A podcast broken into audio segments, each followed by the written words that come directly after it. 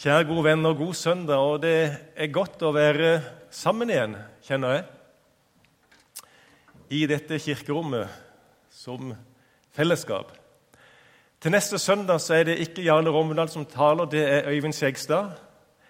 Og Det har vært klart i et par måneder, det er ikke din skyld, men det er at vi har ikke retta det opp i programmet. Men til neste søndag så er det altså Øyvind Skjegstad som taler. Og Jan, når du spurte meg om temaet her tidligere så sa jeg at eh, foreløpig er temaet Jesus. Og eh, det er jo et godt tema, da. Nå er temaet kanskje litt videre, men eh, jeg skal gi dere en uferdig preken. Og så kan dere gjøre den ferdig i deres liv. For sånn er det vel egentlig med alle prekener. Vi må i grunnen lande det i vårt eget liv. Men det er noe som ligger på meg, som ligger på mitt hjerte, og som jeg gjerne vil dele med dere. Om noen uker så skal vi altså ta imot et nytt alfakurs. Og Da kommer det en mellom 50 og 70 deltakere pluss leder, så vi blir omkring 100 stykker. Det er 50 påmeldt nå, og anledningen er til å melde seg på enda.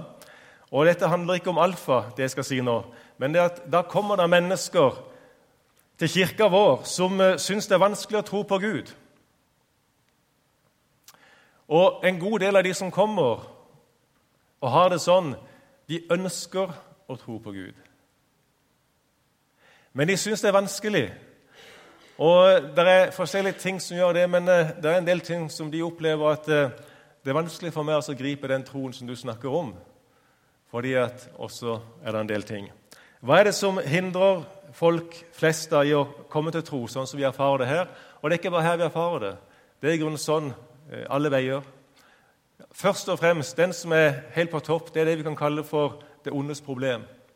Altså Det er det at folk i dag mer enn noen gang så får vi det gjennom media, og så ser vi all den grusomhet og elendighet og ondskap som utspiller seg i vår verden. Og så fastholder vi som troens folk at vi tror på en Gud som er allmektig. Og Han er til stede i vår verden, og han er kjærlighet. Og så er spørsmålet hvorfor griper han ikke inn? Hvorfor gjør han ikke slutt på det? Det er spørsmålet. Og det er den som hindrer mange i å gripe dette. Og det maler og maler og maler. Og Det er ikke bare for folk på alfakurs at det er vanskelig. Det er vanskelig for oss alle sammen. Vi får det inn på, gjennom media, vi ser og vi vet hva som skjer i Syria og Irak, og vi ber for dem. Og kristne som ikke er kristne, de bare rives bort, og millioner på flukt. Eller i vår egen nærhet så ser vi at uh, unge mennesker, mennesker midt i livet, og mødre med små barn de rives bort, enten de er kristne eller ikke kristne, og vi ber for dem, og så skjer det bare. Og Det er vanskelig for oss alle sammen, ikke bare for noen som kommer på alfakurs. Og Allikevel så fastholder vi troen på Gud, allmektig, til stede i vår verden, full av kjærlighet. I Titus brev leser vi at det ble åpenbart hvor god vår Gud og Frelser er, og at han elsker menneskene og når den kristne tro lander i vår liv, så kjenner vi jo det at ja, det er vårt vitnesbyrd. Det er en god Gud, og han elsker oss. Og så lever vi i det spenningsfeltet. Og det er ikke lett for noen av oss. Men det er ikke sånn at det må ta troen fra oss. Det tar ikke troen fra oss, men for noen gjør det kanskje det. Og de som kommer til Alfa og ikke har noen tro, og som vi begynner å snakke med, eller vi treffer de andre steder, vil gjerne komme med at dette er vanskelig. En som eh, jeg vil også si Når vi sier dette tar ikke troen fra oss, så er ikke det hovmod.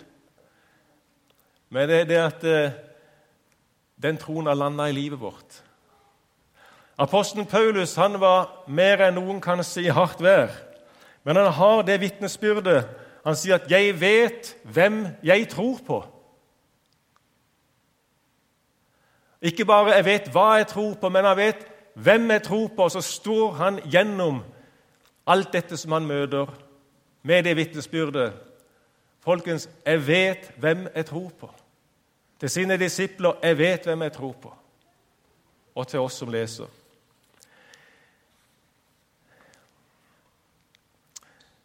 Jeg tror på Gud Fader, himmelens og jordens skaper. Jeg tror på Jesus Kristus, Guds enbårne Sønn, vår Herre. Vi tror på Den hellige ånd Altså, Troen har et enormt innhold, og vi vet hvem vi tror på. Evangeliet om korset, Guds ord, Guds rike, Jesu undervisning osv. Og det vi opplever når vi kommer til tro, det er at vi kommer inn i en mye større virkelighet enn det som vi ser omkring oss. Det er jo sånn. Og etter hvert som vi lever, så rotfestes vi og grunnfestes i denne troen. Og vi sier at i denne menigheten så har vi det som er våre verdier, å være rotfesta og grunnfesta. Vi ønsker at alle skal være det, og at en gjennom livets kamper kan si at 'jeg vet hvem jeg tror på'. Det er jo ikke det samme hvor vi står når vi ser liksom noen ting. Og vi Jeg beklager.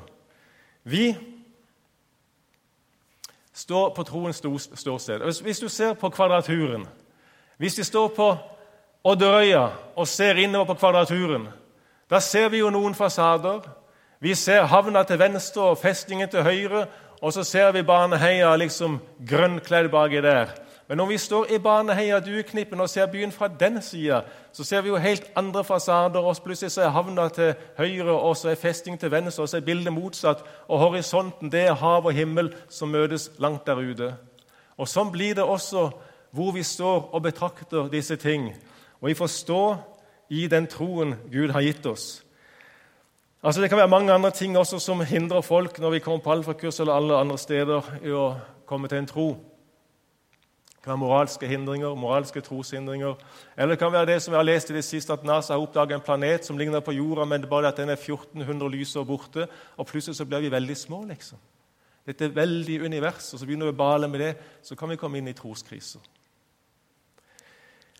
Poenget er at de fins, sånne troshindringer. Og det kan godt være det at vi lever det gjennom, og så har vi fred og ro i sinn og tanke i noen år, og så dukker det opp et eller annet som igjen begynner å male. Og så kan det være sånn livet igjennom. En som kom inn i en voldsom troskrise, som vi leser om i Bibelen, han het Asaf.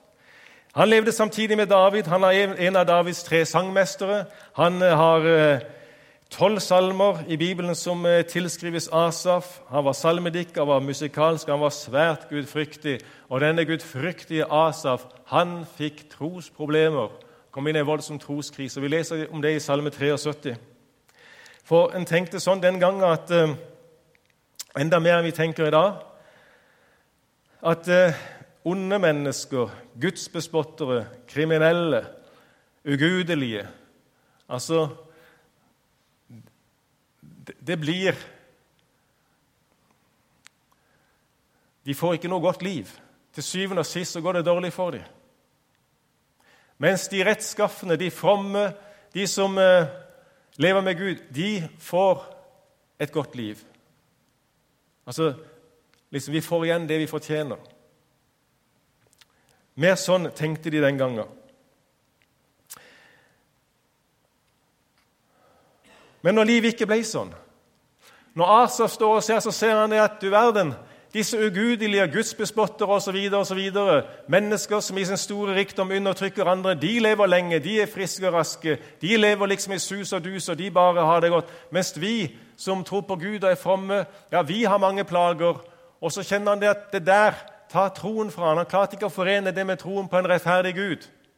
Omtrent som folk også ikke klarer å tro liksom det vi tror, fordi at Og så har de alle disse argumentene.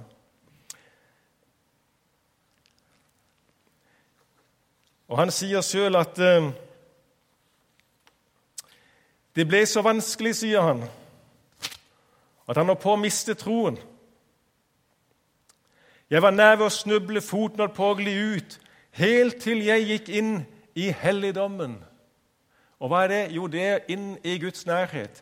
Inn i helligdommen. Det var der Gud med hele sitt nærvær hvilte, og der vi kunne erfare Gud. Og når Asaf gikk inn der, så plutselig så, så han ting i et annet lys.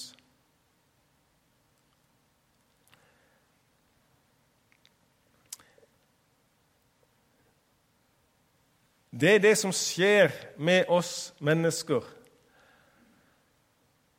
For vi kan se oss blind på disse ting, sånn som Asaf gjorde. Men så, i Guds nærvær, så begynte han å se seg seende. Det var ikke på en måte han som produserte dette, men det skjer noe med oss i Guds nærhet, i Guds nærvær. Så kommer det opp andre ting i horisonten. Så ser vi noe annet. Romerne 12 bekrefter jo også dette at tar vi et skritt nærmere Gud, så forvandles vi rett og slett ved at hele tenkningen vår fornyes, står det, så vi kan begynne å bedømme og tenke mer sånn som Gud ser og tenker. Romerne 12. Og Det står at Jesus er troens opphavsmann og fullender. Så eh, det er han vi må møte. Andreas førte sin bror Peter til Jesus, og det var da forvandlingen skjedde. Og Vi ser det også på alfakurset at eh, noen mennesker kommer gjennom den troshindringen. Andre gjør det ikke, og noen er underveis. Men på et eller annet vis så må vi inn i Guds nærvær. På et eller annet vis så må vi være der at evangeliet treffer, at, at, at vi får en opplevelse, erfaring av Jesus eller av Gud, om du vil. Asaf han eh, valgte til slutt å gå inn i Guds helligdom, og så opplever han at eh, fokuset blir annerledes. Det skjer noe med han. Og Vi leser fra Salme 73. og Han, han eh, begynner jo salmen med sin store oppdagelse. Liksom. Han konkluderer i begynnelsen og sier ok, Gud er god. Det begynner han med. Og så sier han sannelig Gud er god mot Israel, mot dem som er rene av hjerte. Men jeg var nær ved å snuble. Foten holdt på å gli ut. For jeg var misunnelig på de hovmodige. Jeg så at de gikk de urettferdige vel. De er uten plager til sin død. Magen er god og mett. De lider ikke som andre mennesker. De blir ikke plaget som andre folk. Og så snakker han om at han sjøl har liksom gjort alt etter boka. og Så sier han at det var pinefullt å se helt til jeg gikk inn i Guds helligdom. Da skjønte jeg hvilken fremtid de får. Plutselig går de til grunne. Da så han det. Liksom horisonten der ute. Ja, men det går ikke bra for dem.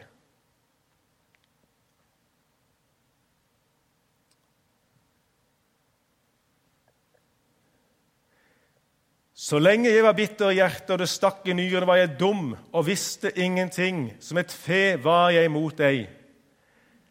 Og så kommer det en bekjennelse her, et vitnesbyrd. Men jeg blir alltid hos deg. Du har grepet min høyre hånd. Du leder meg med ditt råd, og siden tar du imot meg i herlighet.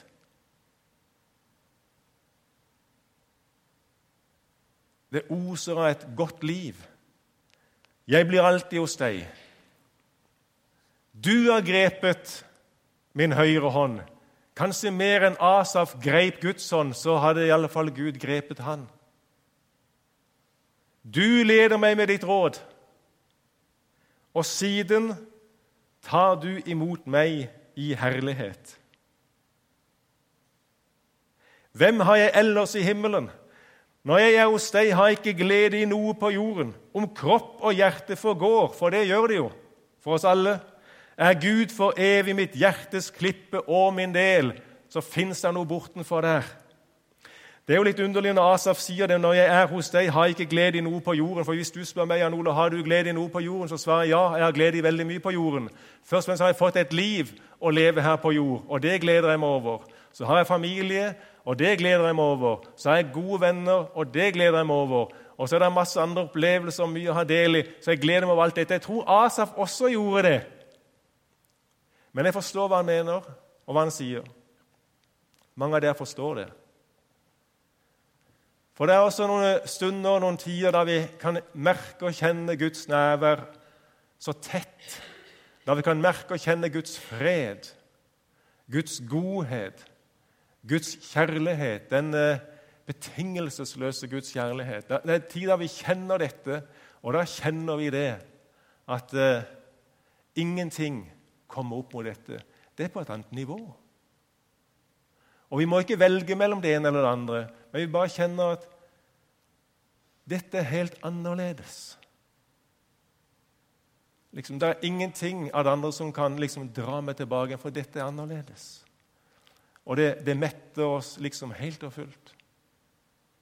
Det fins sånne stunder. Og Hvis ikke du har kjent det, så har du noe veldig godt til gode. Det kommer. Det kommer.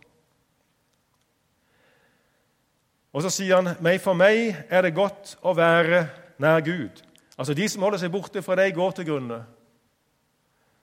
Og Det er jo derfor vi vil gi dem evangeliet. Det er jo derfor vi kaller dem til alfakurs.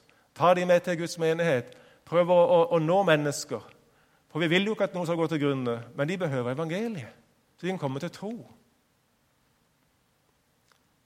Og så sier han dette at men for meg er det godt å være nær Gud.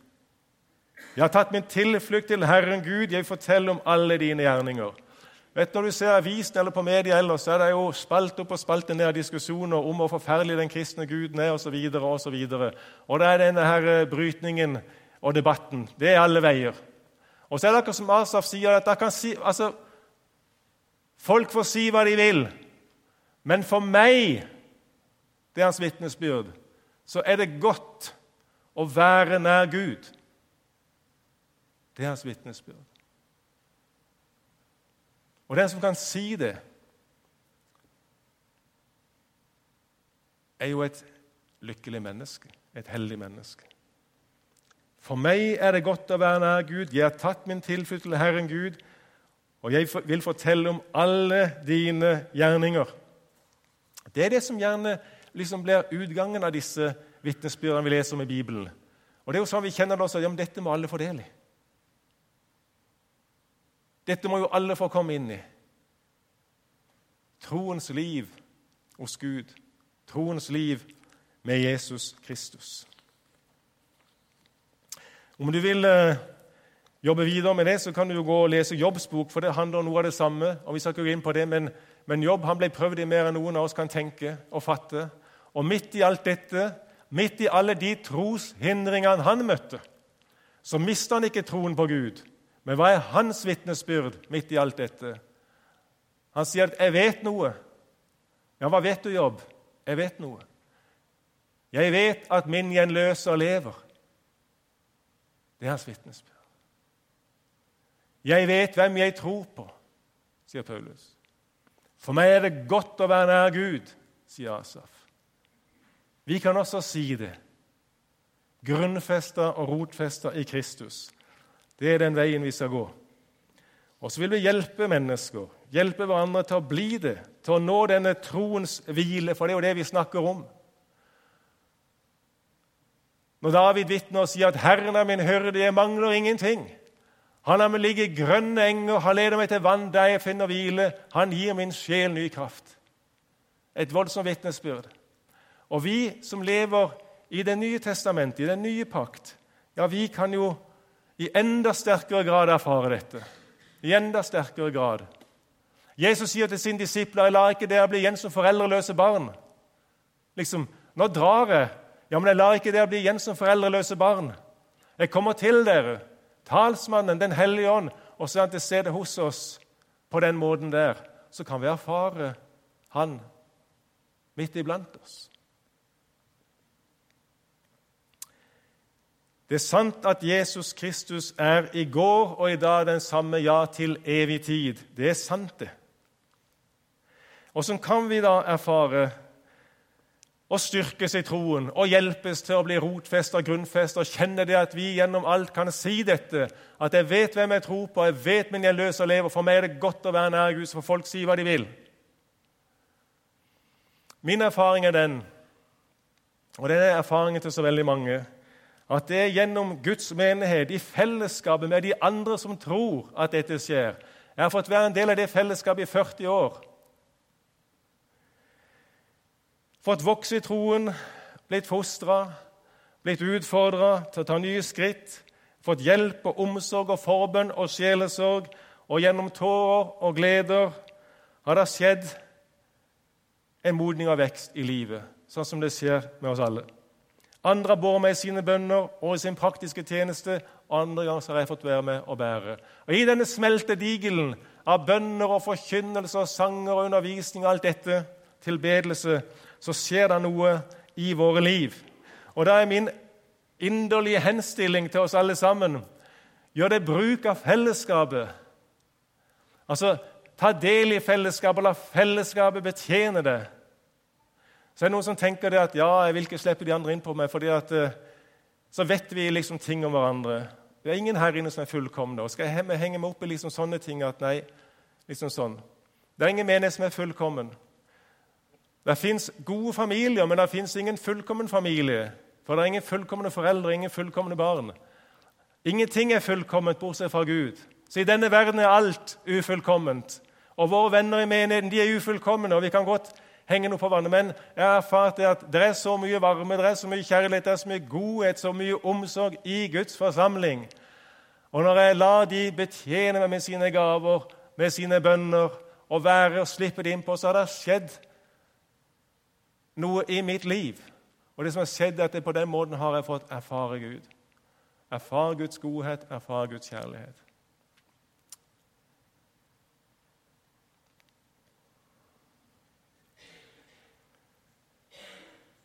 Jeg ser Leif Hjortveit her nede. Og Jeg husker når jeg kom til Salem i 73 og øh, høsten der og var på bønnemøtene på tirsdagen der. Det var helt nytt for meg. Det var så vidunderlig fantastisk. Og da var Leif en av søylene i menigheten i Salem. Du får til og med at jeg nevner deg, Leif, men sånn er det. Og det var så godt. Og der var de til stede, lederskapet, tirsdag etter tirsdag etter tirsdag på disse bønnemøtene. Og siden i 25 år så gikk jeg ofte til forbønn der jeg var. ja, jeg behøvde det.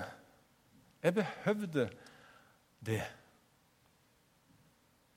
Jeg gjør det enda, men jeg gjorde det veldig mye de første 25 år. Samtaler, sjelesorg og forbønn. For å komme til rette med mange ting i livet og troen. Så Derfor er det litt sånn jeg kjenner at ah, ikke vær redd for fellesskapet. Slipp det løs på det. Det er så mye godhet i fellesskapet. Trenger jeg si mer om det? Det er ikke bare Asaf som skal kunne vitne om Guds godhet. Vi skal jo også alle sammen kunne si det. at Jeg blir alltid hos deg, Herre. Jeg kan si det. Jeg blir alltid hos deg. Du har grepet min høyre hånd, du leder meg med ditt råd, og siden tar du imot meg i herlighet. Når jeg er hos deg, har jeg ikke lyst til noe på jorden. Og For meg er det godt å være nær Gud.